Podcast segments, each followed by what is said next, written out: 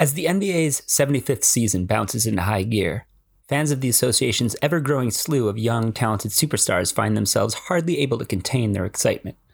The league's popularity has arguably never been higher, nor have the salaries of its players, which, as of 2020, has them listed as the highest paid athletes in the world, based on annual salaried income.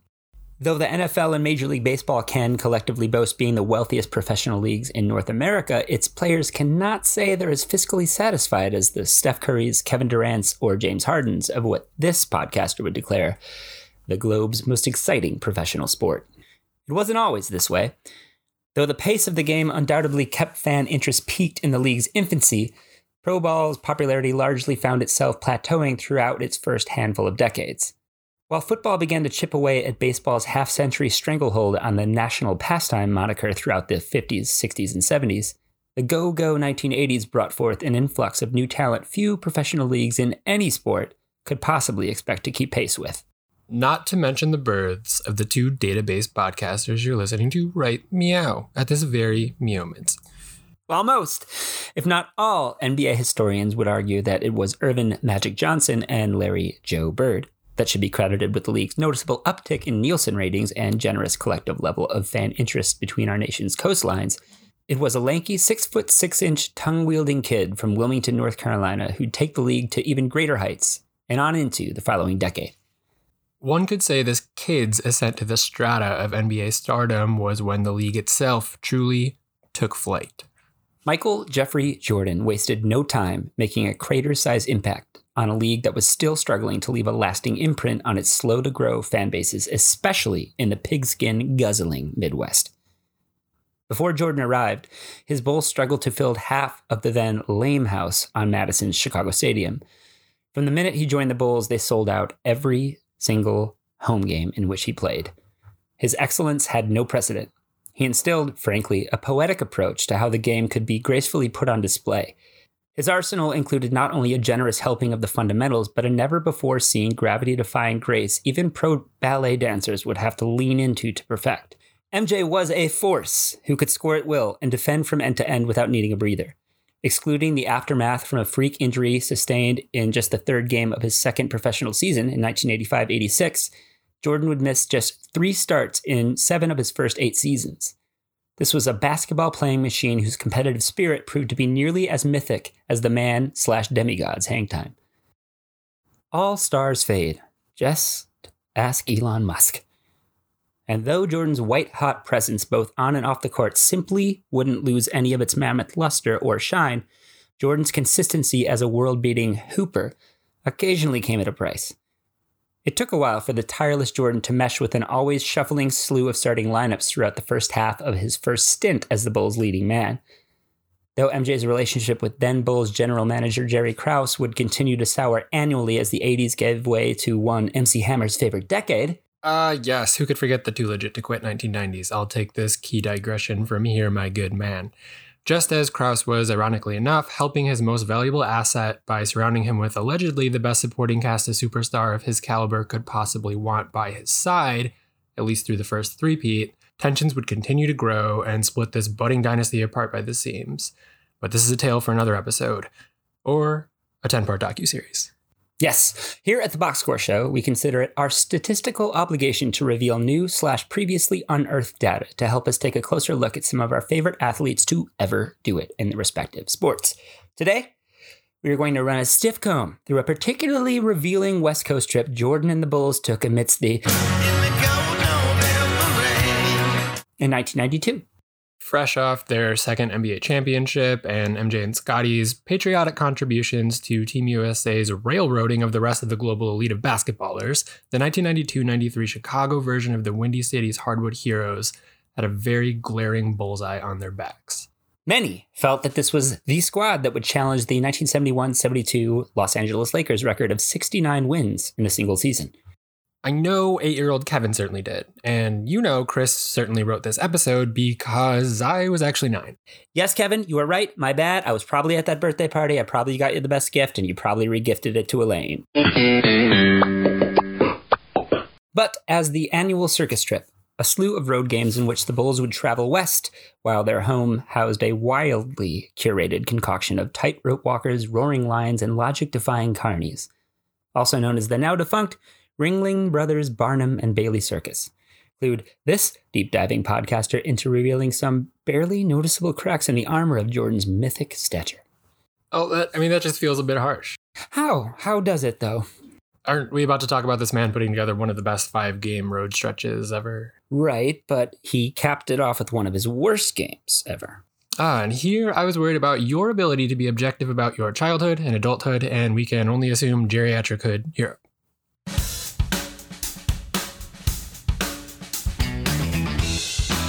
I'm Chris DeSalvo. And I'm Kevin Chroust. We would like to formally welcome you to another episode of the Box Score Show, a podcast created by The Analyst. We're discussing one, or in this case, six remarkable box scores each week with all sorts of info about its relevance then and meow. In terms of games, we try not to be too obvious with the box scores we choose. This caters to a hungry Thanksgiving audience ready to feast on their own statistical curiosity. And in terms of statistical data, we're not going to get too advanced. Rather, we'll stick to the stats we all grew up understanding in box scores. If you're listening, check out The Analyst, where we're producing plenty of other data driven sports storytelling that is at theanalyst.com. What a day to do a pod, eh, Kev? It certainly is, Christopher. It certainly is, especially in person. We now ask, nay, charmingly request you to buckle yourselves in.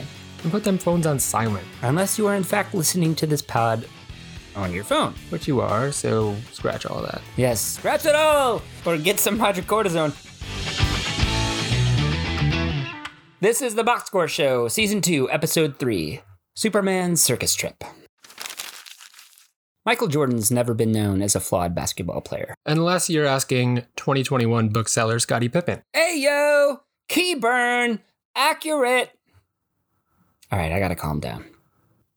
It can justifiably be argued that his prime lasted from the moment he set foot on Chicago Stadium's hardwood in late October 1984 and lasted until he fooled Brian Russell into Don't you thinking. mean Byron? No, it's actually Brian. I looked it up three times.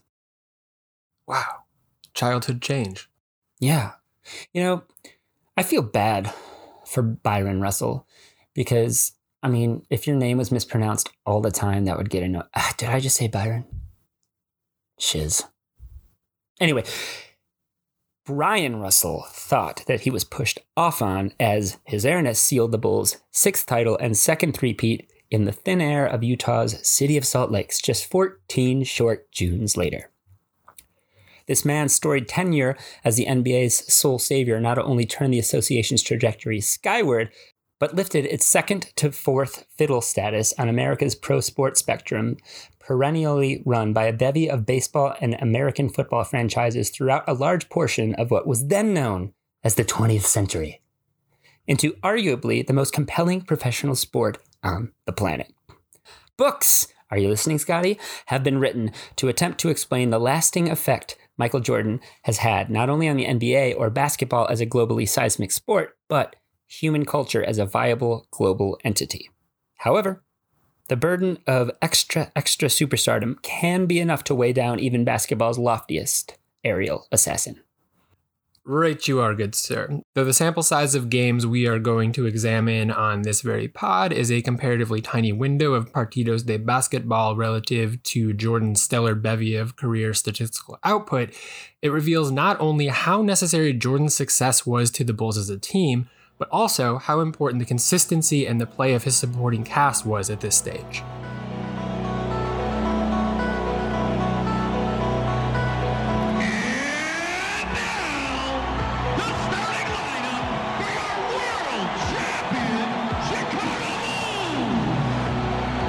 Jordan's performance during the Bulls' November 1992 famed circus trip of which we speak was a marvelous collective reminder not only of his greatness as a basketball player, but as a human being who's hell-bent on willing victories and or playing reactive basketball. It also gave his hungry fans a window into what this kind of fatigue being a superstar could have on a person as an entire team relies on you night after night in key moments down the stretch. This occasionally would dim his star's luminosity as a result of carrying too much of the load offensively. Though his Bulls were fresh off the repeat train after discarding poor man MJ, Clyde Drexler, and the Portland Trailblazers in June, MJ and newly anointed superstar teammate Scottie Pippen had also ventured to Spain to help a gloriously concocted dream team win gold. There wasn't much time off. He was at peak global stardom and he wasn't 23 anymore. Right. Jordan was entering his first and last season in which he turned 30, then a benchmark for the start of an NBA player's decline, and having administered anemic amounts of rest over the summer of 92, along with the continued flashbulb ensconced meteoric rise of his stardom on the global level, the once effortlessly charismatic icon was having to shoulder perhaps a little more than he had bargained for. By the time his Bulls pulled into everybody's favorite set of Twin Cities on the evening of November 17th, 1992, he'd already vaulted them into command of the Eastern Conference's Central Division. Yes, the season was young, but his Bulls weren't administering any load management to speak of. They played like every game was for the shimmering hardware. After falling to veteran human highlight reel Dominique Wilkins and the Atlanta Hawks on the second evening of the season, the two time defending champs found themselves at gasp 500, one in one. Being who we said they were, they rattled off three straight wins versus division rivals Indiana, Detroit's aging Pistons, and the always competitive but decidedly Giannis-less Milwaukee Bucks before sending the visiting Denver Nuggets packing on November 14th. Their fourth straight victory to perch the Bulls to 5 and 1. In case you had forgotten where we were geographically in our hero's story due to Kevin's massive yet informative digression, allow me to contextualize the 1992 93 version of Minnesota's Timberwolves for Yowls. This was just their fourth season in existence, but their offseason had been highly proactive in terms of locking down some very necessary on court assistance. Averaging just 22 wins per season is bound to incite some front office meddling for shiz and some decent draft picks. Though the expansion tag could still aptly be attached to the young organization wading hesitantly through existence, they'd made some notable moves to further solidify the initially shaky foundation of the franchise. In the literal sense, having just moved into a new arena, the Target Center, their home to this day, and figuratively in hiring former Detroit Pistons GM Jack McCloskey to inherit the head coaching duties from former Celtics coach Jimmy Rodgers, who just led the hapless T Wolves to their worst record yet at 15 and 67 in 91 92. True, Bulls fans of a certain age would remember McCloskey, aka the front office engineer of the Pistons slew of bad boys encompassing the Motor City Madmen who'd send Jordan and the Young Bulls packing in each of their postseason efforts between 1988 and 1990. Jump to June 1992, and Jack's draft day dice roll was betting on a blue double. Duke poster boy Christian Laettner, perpetual bench warmer for the aforementioned Dream Team with the third pick in the 92 NBA draft, and taking UNLV's high flying JR, not yet Isaiah Rider, fifth in that same draft. This gave native Minnesotans something to cling to in terms of their hopes for roundballed success in 1992 and potentially beyond. Despite the offseason additions, Minnesota's Wolves had little bite against the Bulls' relentless assault of fundamentally sound Hoopers.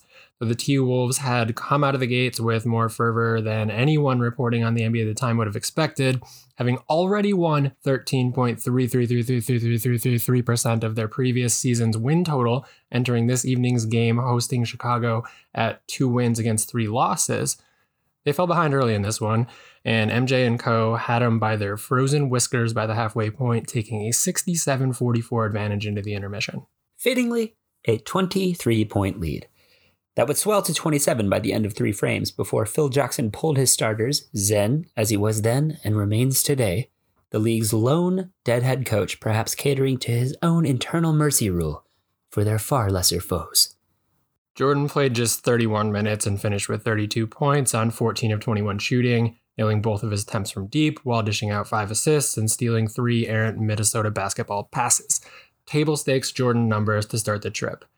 As for Chris and me, we probably both watched the first half in our neighboring Chicago suburbs, got bored, and retired to our respective basement basketball courts to reenact it on a six foot mini hoop rim without any friends. Unfinished basements, laying the groundwork for unfinished men. We're still working on ourselves, you know what I mean? anyway, out of the mental health realm, back to the Bulls. Though the Bulls' 21 point victory was a decidedly one sided affair, it should be noted that Laettner, whom Jordan had deemed unworthy of being on the Dream Team, proved to be able to hold more than his own at the professional level, netting 17 points on 7 of 13 shooting with 4 rebounds, 3 assists, 2 blocks, and 2 steals in 27 minutes. Being a lifelong anti Duke guy, go blue, shout out to Jalen and Jacoby. Even I can appreciate this was a dude who deserved to lace them up at the NBA level, at least at this stage of his young career. Still hate the dude though. Chris has grown to be so diplomatic with his hate. Thank you, dude. Fun FAQ to put a button on the shirt of Chris's point regarding some notables on Minnesota's roster that evening. Australia native Luke Longley, who'd go on to play a pivotal role in Chicago's pursuit of the Bulls' post Jordan retirement one three-peat, also got some solid action in this game, playing a Laettner like 27 minutes, and he shot well 6 of 11 from the field for 14 points, collecting five boards, blocking two Bulls shot attempts, and the big guy even nabbed four steals. You know, Australia was originally settled by. Chris, settled isn't the right word because, according to online sources that may just solely be Wikipedia, human habitation of the Australian continent is known to have begun at least 65,000 years ago. Wow, you're right. Thank you for aptly correcting me, Kevin. That is true. In fact, that same little known website accurately cites the fact that Aboriginal Australian culture is one of the oldest continual cultures on Earth. Gotta respect that. Absolutely. But back to my point, dripping with salience. In 1783, the British government sent a fleet of ships under the command of one Captain Arthur Phillip to establish a new penal colony in what became known as New South Wales. Oh, so Longley's for steel. Yeah, an homage, an homage to the West's cultivation of the West Indies' biggest island land mass as basically a place to send prisoners who may have. Stolen basketball passes. I'm so funny. Great work. Anyway, more interestingly than this charming little aside to our boomerang tossing mates from down under, the Bulls' next contest on this trip wouldn't be as much of a cakewalk. We're gonna get so much hate mail from down under. But yeah, certainly not. It also shone a light on how Minnesota's big men could still find ways to be productive under the basket versus a Chicago team that had no solidified presence under the glass. But more on that later. Okay, so let's pause for our first circus trip summary.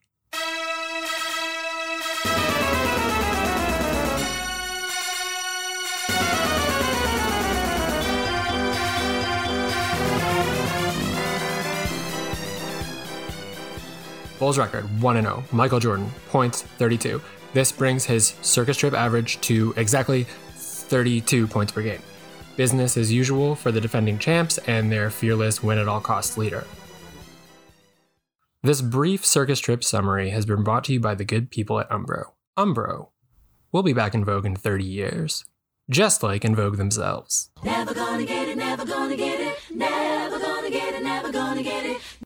Enter Seattle's young and hungry Supersonics, who the Bulls would meet just two nights later after their chartered flight to America's granola obsessed, coffee infused Pacific Northwest. Feels like a bit of a dated generalization. In fact, it is, my astute friend. I alluded to the Pacific Northwest region in that way, ironically, not unlike. The 1990s reputation of the people of the region in question? Yes, sir? But also, no, clearly you have ah. not seen the Bourdain episode on Seattle Tech Bros. Clearly. Anyway, this would be the Bulls' first significant test on this circus of a circus trip as Seattle had leapt out of the season starting blocks to a 5 and 1 record. No less than 37,401 Screaming Sonics faithful packed themselves like Puget Sound caught sardines into the now defunct Seattle Coliseum to witness the arrival of the league's defending champs and their aerial assassin. The Sonics had no doubt circled this date on their calendars once the schedules were released earlier in the year, but no one watching the first quarter of this evening's telecast would believe that. As the Bulls bullied their hosts mercilessly in the first frame, taking a 17 point lead in the game's first 12 minutes. Though Seattle would cut Chicago's lead to just 14 points by halftime, the Bulls would harass the noticeably overwhelmed Sonics in the third period to take an 89 67 lead into the fourth. And this resulted in another game in which Scottie and MJ were hardly needed in the fourth quarter, with each getting generous, well deserved rest as Seattle hopelessly tried to keep pace. And this leads to our second circus trip summary of this show.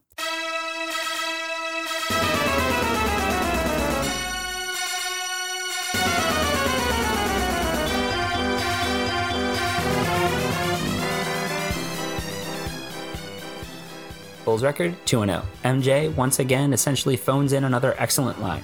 35 points, which brings his trip scoring average up a few ticks to 33.5 a game on 14 of 22 field goals, including two of four attempts from three. icing all five of his free throws to go with six rebounds and a couple of blocks and steals in just 34 minutes.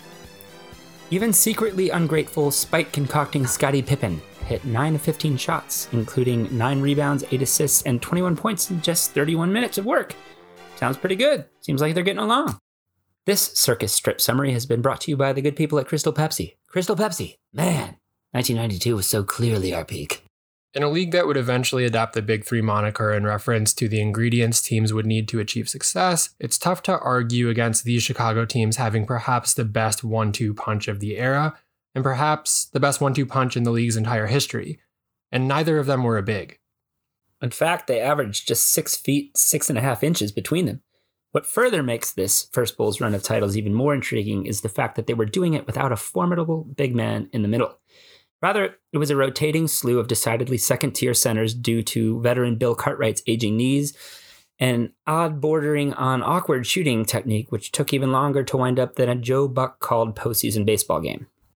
Right, and we feel this is as good of a time as any to enlighten our listeners as to how different the complexion of the NBA game was in 1992-93 versus the 3ND version we see played on our HD TV sets today. This was the NBA of Akeem Olajuwon, David Robinson, Patrick Ewing, Dikembe Mutombo, and a young, lithe Shaquille O'Neal. thin ish, supple, graceful Shaq. Yes, the very definition of lithe, limber, pliant, flexible.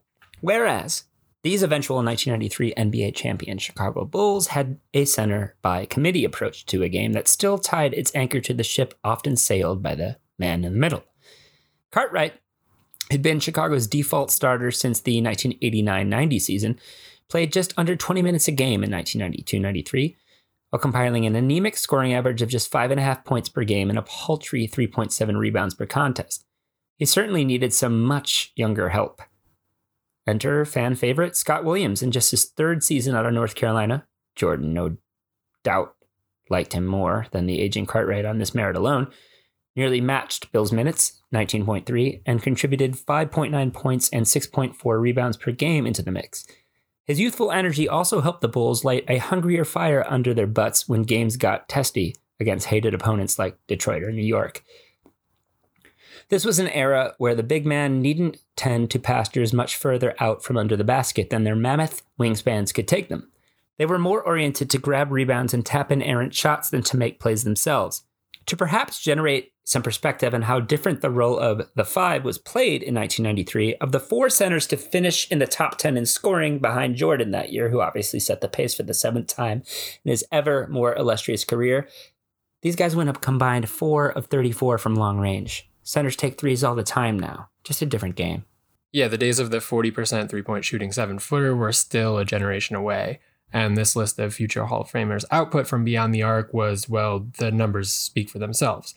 Chris, can you take this? I'm too embarrassed to share this shame inducing data. Certainly, Kevin. I'm so sorry. Glad to help. Hakeem averaged 26.1 points per game this season, but none of his 2,140 points came from distance. He attempted just eight three pointers, netting a goose egg. Patrick Ewing, the Eastern Conference's most viable threat to Jordan and company's assault on a third consecutive title, averaged 24.1 points per game that year, good for sixth in the league. But he missed six of the seven three pointers he'd hoist at the basket that entire freaking season.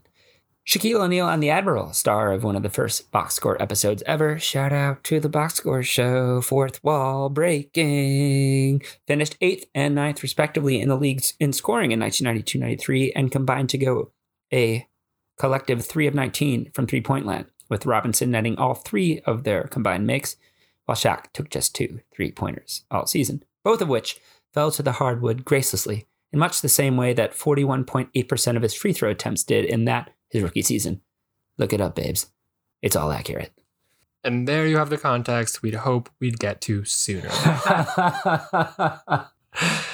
but as with all box score based digressions, we get to a gammon. and the rest is. Historically data driven storytelling? Speaking of stories, this brings us to the next opponent these Bulls would face on their November 1992 West Coast circus trip. None other than the Los Angeles Lakers. Stuck in that murky era between dynasties, The Bulls weren't anywhere near shaking in their Nikes as they approached LA's Forum, riding high on the momentum of a glistening six game win streak during which they had bested their opponents by an average margin of just over two touchdowns, 14.2 points per game. These Lakers were far from the vaunted Magic squads from the previous decade and hardly the loaded perennial title contenders they'd become at the conclusion of the millennium. But they weren't pushovers and had likely circled this early season matchup as quickly as their schedules had been printed from their white Gateway desktop computers. These were largely the same Bulls that had needed just five games to defeat them in capturing their first NBA title just two seasons earlier. Despite splitting their first two meetings with the lowly Clippers and losses to Sacramento and Seattle, Jordan and the Bulls' most recent victim, these Lakers had had five days off since beating the formidable Golden State Warriors in LA on November the 15th. So they were as rested as a lapdog. Jordan came out firing, connecting on an early three that spurned the perpetually 97 year old Hubie Brown to proclaim a telling statistic that proved to be a prime example of how Jordan continually added weapons to his already terrifying slew of round ball based talents. About the fact that Michael Jordan this year in threes is 11 for 24? That's about 440 or 445% in three point attempts.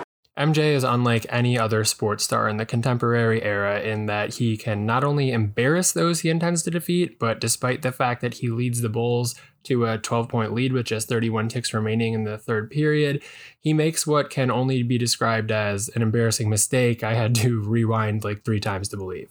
Byron Scott is out. Byron has trouble. Here comes Michael. Up, Mark it down. and they're standing, standing here. Well, you can see he took his eye off it because he was measuring the distance for the dunk. I know what happened. He got his tongue out at the wrong time. MJ did net 19 points in the third frame of this game. As telling as his stat line would be at the game's conclusion, this tells the tale as well as any set of numbers could. Scottie, who'd wind up shooting just 12 of 28 from the field, notched his fifth foul just after the dawn of the fourth quarter. And the usual defensive stalwart finds his hands to be tied down the game's most crucial stretch. Conveniently. And the Lakers aren't going away as the minutes tick away. Well before Nikola Jokic, Serbia's best basketball export may have just been Lakers center Vlade Divac. He'd wind up six for nine from the field, including two of two from long range, a sign of the future perhaps. His shooting efficiency and presence in the lane, he'd grab 11 rebounds and swat four Bulls shots before the final buzzer rang, kept LA in the game. Right, and though Jordan's valiant efforts continued in the fourth quarter, he and the Bulls could only watch as their 14 point lead at 90 to 76 started to erode with just seven minutes to play. And the Lakers knotted it up at 107 with just 56 ticks left in the game. MJ didn't help the Bulls' case any by missing a key free throw down the stretch, rare for him, which clanked with just inside of two minutes remaining, which would have given the Bulls back the lead they'd just surrendered. Oh, this is unbelievable. Eight of 21 are the Bulls. Yeah, and just as history seems about to repeat itself, with an unblinking MJ bringing the ball up past half court with under 10 seconds left in regulation, and the Lakers now with a 110 to 108 lead, and the Forum crowd nervously nibbling at their professionally tailored cuticles like kindergartners on the first day of school, Jordan crosses half court, spots up, launches a three for the win. But, gasp, Jordan shot, an attempt the entire forum crowd decides will go in absolutely, clangs like an angry alarm any sane person would just as soon snooze to death. But out of nowhere comes Jordan's best teammate ever, in Pippen, who snatches the rebound from the grasps of LA's towering big men, slightly retreating, then pulling up from the foul line and Plenty of time, five seconds. For three. Missed. And look at that. Pippen oh, ties no, it up because no. no, Laker whip No for the timeout. rebound. No timeouts left. And this ball game is going into overtime. In this moment, it really feels like the Bulls squad is about as complete as this era would allow. it's in the extra frame where his teammates begin to look his way a little too often for a bailout. And uh, one of those guys, Scottie Pippen, is still playing with five fouls. And though the Lakers cannot pull away, trading buckets with MJ and Co. right down to the final possession, after who else? Jordan nets points 51 and 52 at the charity stripe with 16.7 seconds left to play. Keep in mind that his teammates shot a collective 3 for 13 from the free throw line. Scottie, did you hear that? These numbers make Shaq look like Mark Price at the free throw line, buddy. Full court pressure. B.J. Armstrong. This is good. Waste seconds off the clock. Time remaining 10 seconds. Here comes Jordan off a guard around. Over Elden Campbell. Oh my! Michael Jordan. The fadeaway from the corner. It's tied at 118 with 5.9 seconds remaining. Elden Campbell was right at his face. Elden is 6'11. After LA is able to answer on their next trip down the court, the Bulls are once again left with a Superman to hopefully bring them a seventh straight W in epic fashion. Doesn't happen. Lakers by two. 2.2 seconds. 2.2. Michael on a wraparound move. He Yes. misses at the buzzer. Lakers have upset the Bulls 120 to 118. So the LA fans ultimately get what they came for a Jordan show and a Lakers W. And we now pause for part tres de our 1992 Bulls circus trip summary.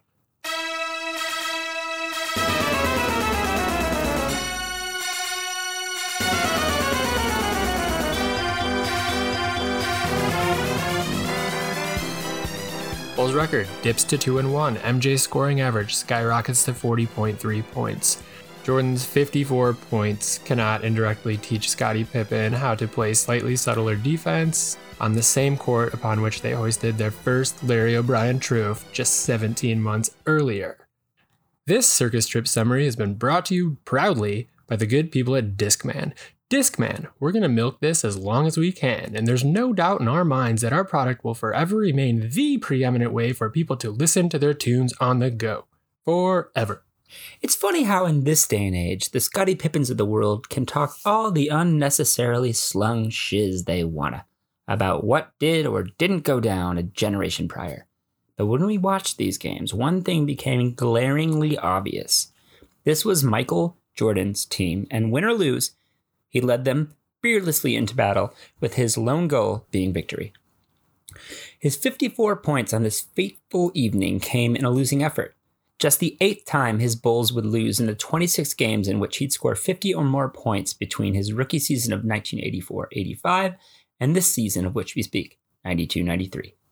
Yeah, and we'd be remiss if we didn't dive a little deeper into the lingering anomalies regarding the high MJ scoring output and the Bulls' record in games in which he'd surpassed the 50 point barrier. This was fittingly the 23rd time Jordan would score 50 or more points for the Bulls, but the seventh loss for Chicago in these games, including the three occasions upon which MJ would breach the 50 point barrier this season. He'd scorch Washington's Bullets for 57 in a December 23rd win, drop a mere 64 on rookie Shaq and visiting Orlando on January 16th, 1993, in a loss to the upstart Magic, and a modest 52 in a victory against LJ, Zo, Muggsy, and the Hornets on March 12th. Another victory. Jordan's statistical output in these games is nothing short of Astounding. In this 26 game sample size of out of his mind scoring efforts, MJ shot just 61.2% from the field, hit 44.6% of his three point attempts, hello, Steph, 88% of his free throws. He'd also nab 7.8 rebounds per game, dish out one decimal point shy of five assists per contest, steal 3.5 basketballs per game, and average a workmanlike 42.9 minutes of basketball playing per basketball game. And they still lost eight of those games. unacceptable. Easy, Kevin. Remember, Zen. Yeah, where's the delightfully chill ethos of mid career Phil Jackson when you need it? If only we could go back and cultivate some inner peace. Perhaps in a phone booth under the crafty tutelage of one of the late 20th century's most prolific comedic wordsmiths. While that would be most excellent, Chris Theodore Logan, I suggest we stay the course and take our listeners forward two nights into the autumn 1992 future, where the Bulls would be visiting a team most experts picked to face them in the following June's NBA Finals, which, spoiler alert, would absolutely wind up happening. Yes, but before Sir Charles could fall to his airness on the league's biggest stage some siete meses en el futuro, Jordan's Bulls would be looking to avenge their disappointing second loss of the season to LA on the 29th anniversary of JFK's unfortunate date with Destiny in Dallas. Are there any random historical facts you don't use to contextualize our data driven storytelling? Absolutely not. Jordan seems hell bent on burying the Rising Suns in the early going as he comes out absolutely firing. And here comes Michael Jordan. Pull up shot over Majerle right through. Michael off to a hot start. tonight. This time around, Jordan's mates are nearly matching his excellence from the jump. They finished the first quarter a healthy 16 of 19 from the field, good for a very spicy 84%.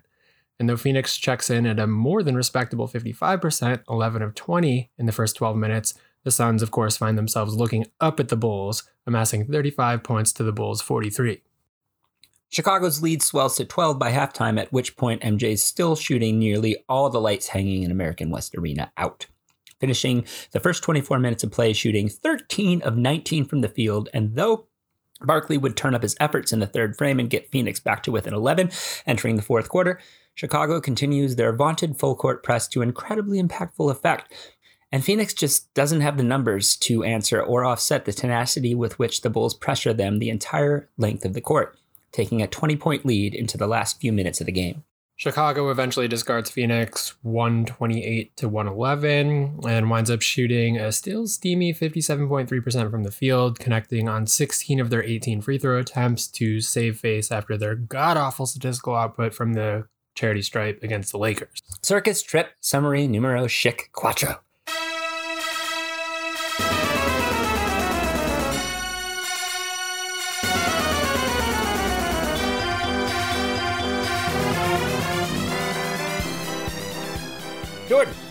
Torches Phoenix for 40 points, so he maintains his 40.3 points per game average on this trip in just 39 minutes of play, hitting 16 of 27 shot attempts, dishing out 7 assists, hitting all 8 of his free throws, and when you throw in the 4 blocks and 3 steals he had, you've got to wonder why present day Scottie Pippen's still being so hard on him. L O L McPherson. This fourth installment of our circus strip summary is brought to you by the good people at Bugle Boy. Bugle, boy, did we rock that drip as young youngs on the suburban Chicago playgrounds of our youth, didn't we, my fashion forward comrade? Rock Bugle Boy, we did, my bro. 1992, Scottie Pippen had a respect earning game to bolster the Bulls' attack, missing just one of his nine shot attempts, scoring 18 points with six assists in 37 minutes. He did turn the ball over five times, but he was probably just being condescended to too much by his airness. But the Suns' Dan Majerle initially challenged Jordan virtually shot for shot in the first period, in which he scores 10 points. He scores just another 10 points the rest of the way as MJ decidedly ices the once red hot Suns guard. Speaking of defining moments, the Bulls' next and final West Coast stop on the circus trip day 1992 is to pay a visit to their seldom seen then Oakland based counterparts, the Golden State Warriors, a squad loaded with versatile talent at all positions. And they waste no time challenging their visitors convincingly, taking a 48 46 lead over Chicago by halftime. And this is when MJ takes over once again. He leads the Bulls past Golden State in the third quarter, and Chicago never looks back. This now brings us to the fifth installment of our 1992 Bulls Circus Trip summary.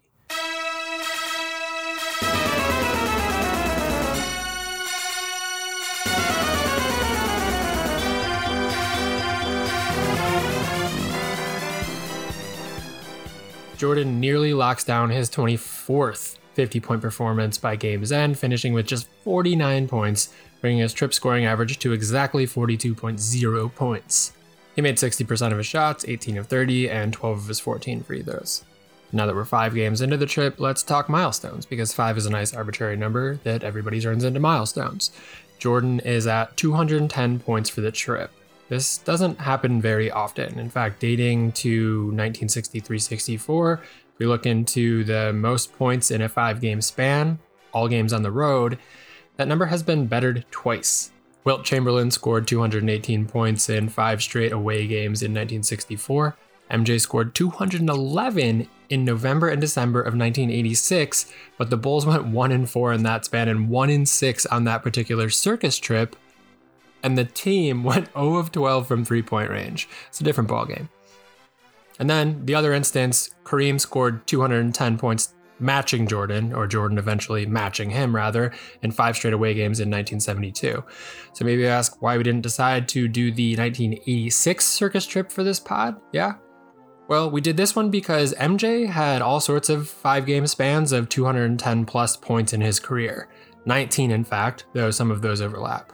Anyhow, this 210.5 game span was actually the last of his regular season career. Home, away, both mixed in, is the last time he did it. So, this 1992 Bulls Circus Trip Summary has been brought to you by the good humans at Nautica. Nautica, hyper expensive sailing clothing for humans who have never been starboard. That copy read was very chill indeed. Speaking of chill, nobody was chiller under the glass between the years 1990 and 1993 than Horace Grant. The resident board man throughout the Bulls' first edition of the three-peat had a quintessential power forward 1992 game in this one. He was great at irritating Barkley in the finals that season, and his performance in this one's equally gem-worthy. 17 rebounds, seven of which were offensive, all of which Barkley took offense to, four steals, two blocks, and just three committed personal fouls to go with 11 points in 41 minutes of fabulous work. Yeah, Grant was 6'10, but let's make no mistake, he certainly was not a 5. Very true. Funnily enough, the only other Larry O'Brien trophies hoisted in that fascinating final decade of the 20th century were raised by teams led by future Hall of Fame centers.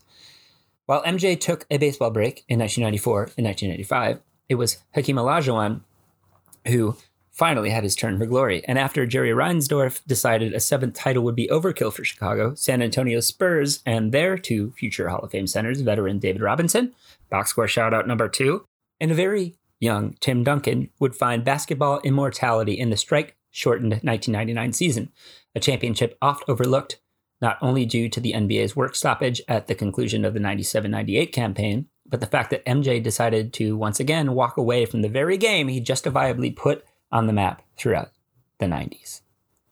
Informative digressions aside, allow us now to enlighten you, our beloved listeners, with just a touch more on this particular circus trip and what it revealed to us and now to you about my beloved 1992 93 Chicago Bulls.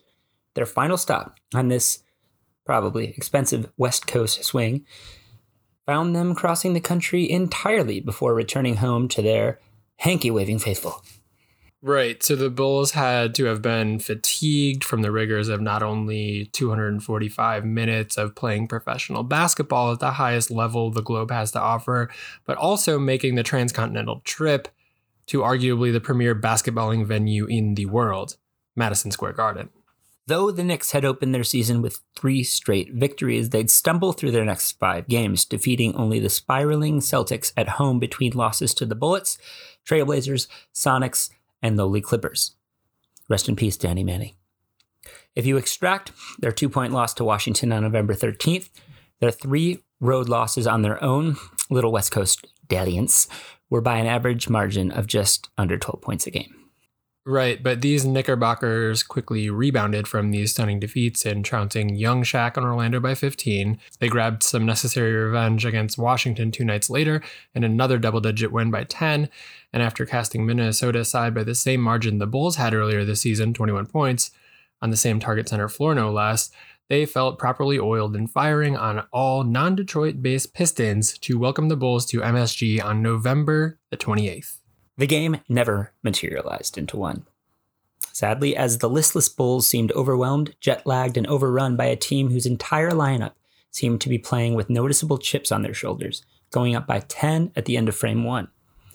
The Bulls could only manage 16 first quarter points and could only replicate this anemic sum in the second period, falling behind the Knicks 49 to 32 by halftime. Though technically not a West Coast game, as Cristobal pointed out a tad earlier, it was still technically a game on which the Bulls played on the road during the Ringling Brothers Barnum and Bailey's Circus of 1992 before returning to their native Chicago stadium to welcome visitors. And this game really shines some light on how exhausted Michael Jordan had probably become in the early going of 1992.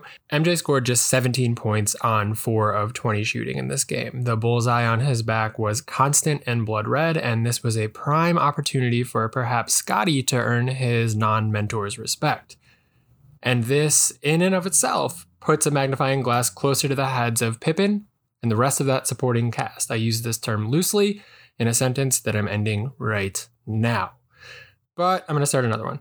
For MJ, he only had three games in his Bulls career in which he made fewer shots than this. The Bulls managed just 75 basketball points against the Knicks on this evening, and the New York Knickerbockers connected on 54% of their shots, taking only two missed threes, notably hitting 18 of their 22 free throw attempts and out rebounding Chicago 57 to 36.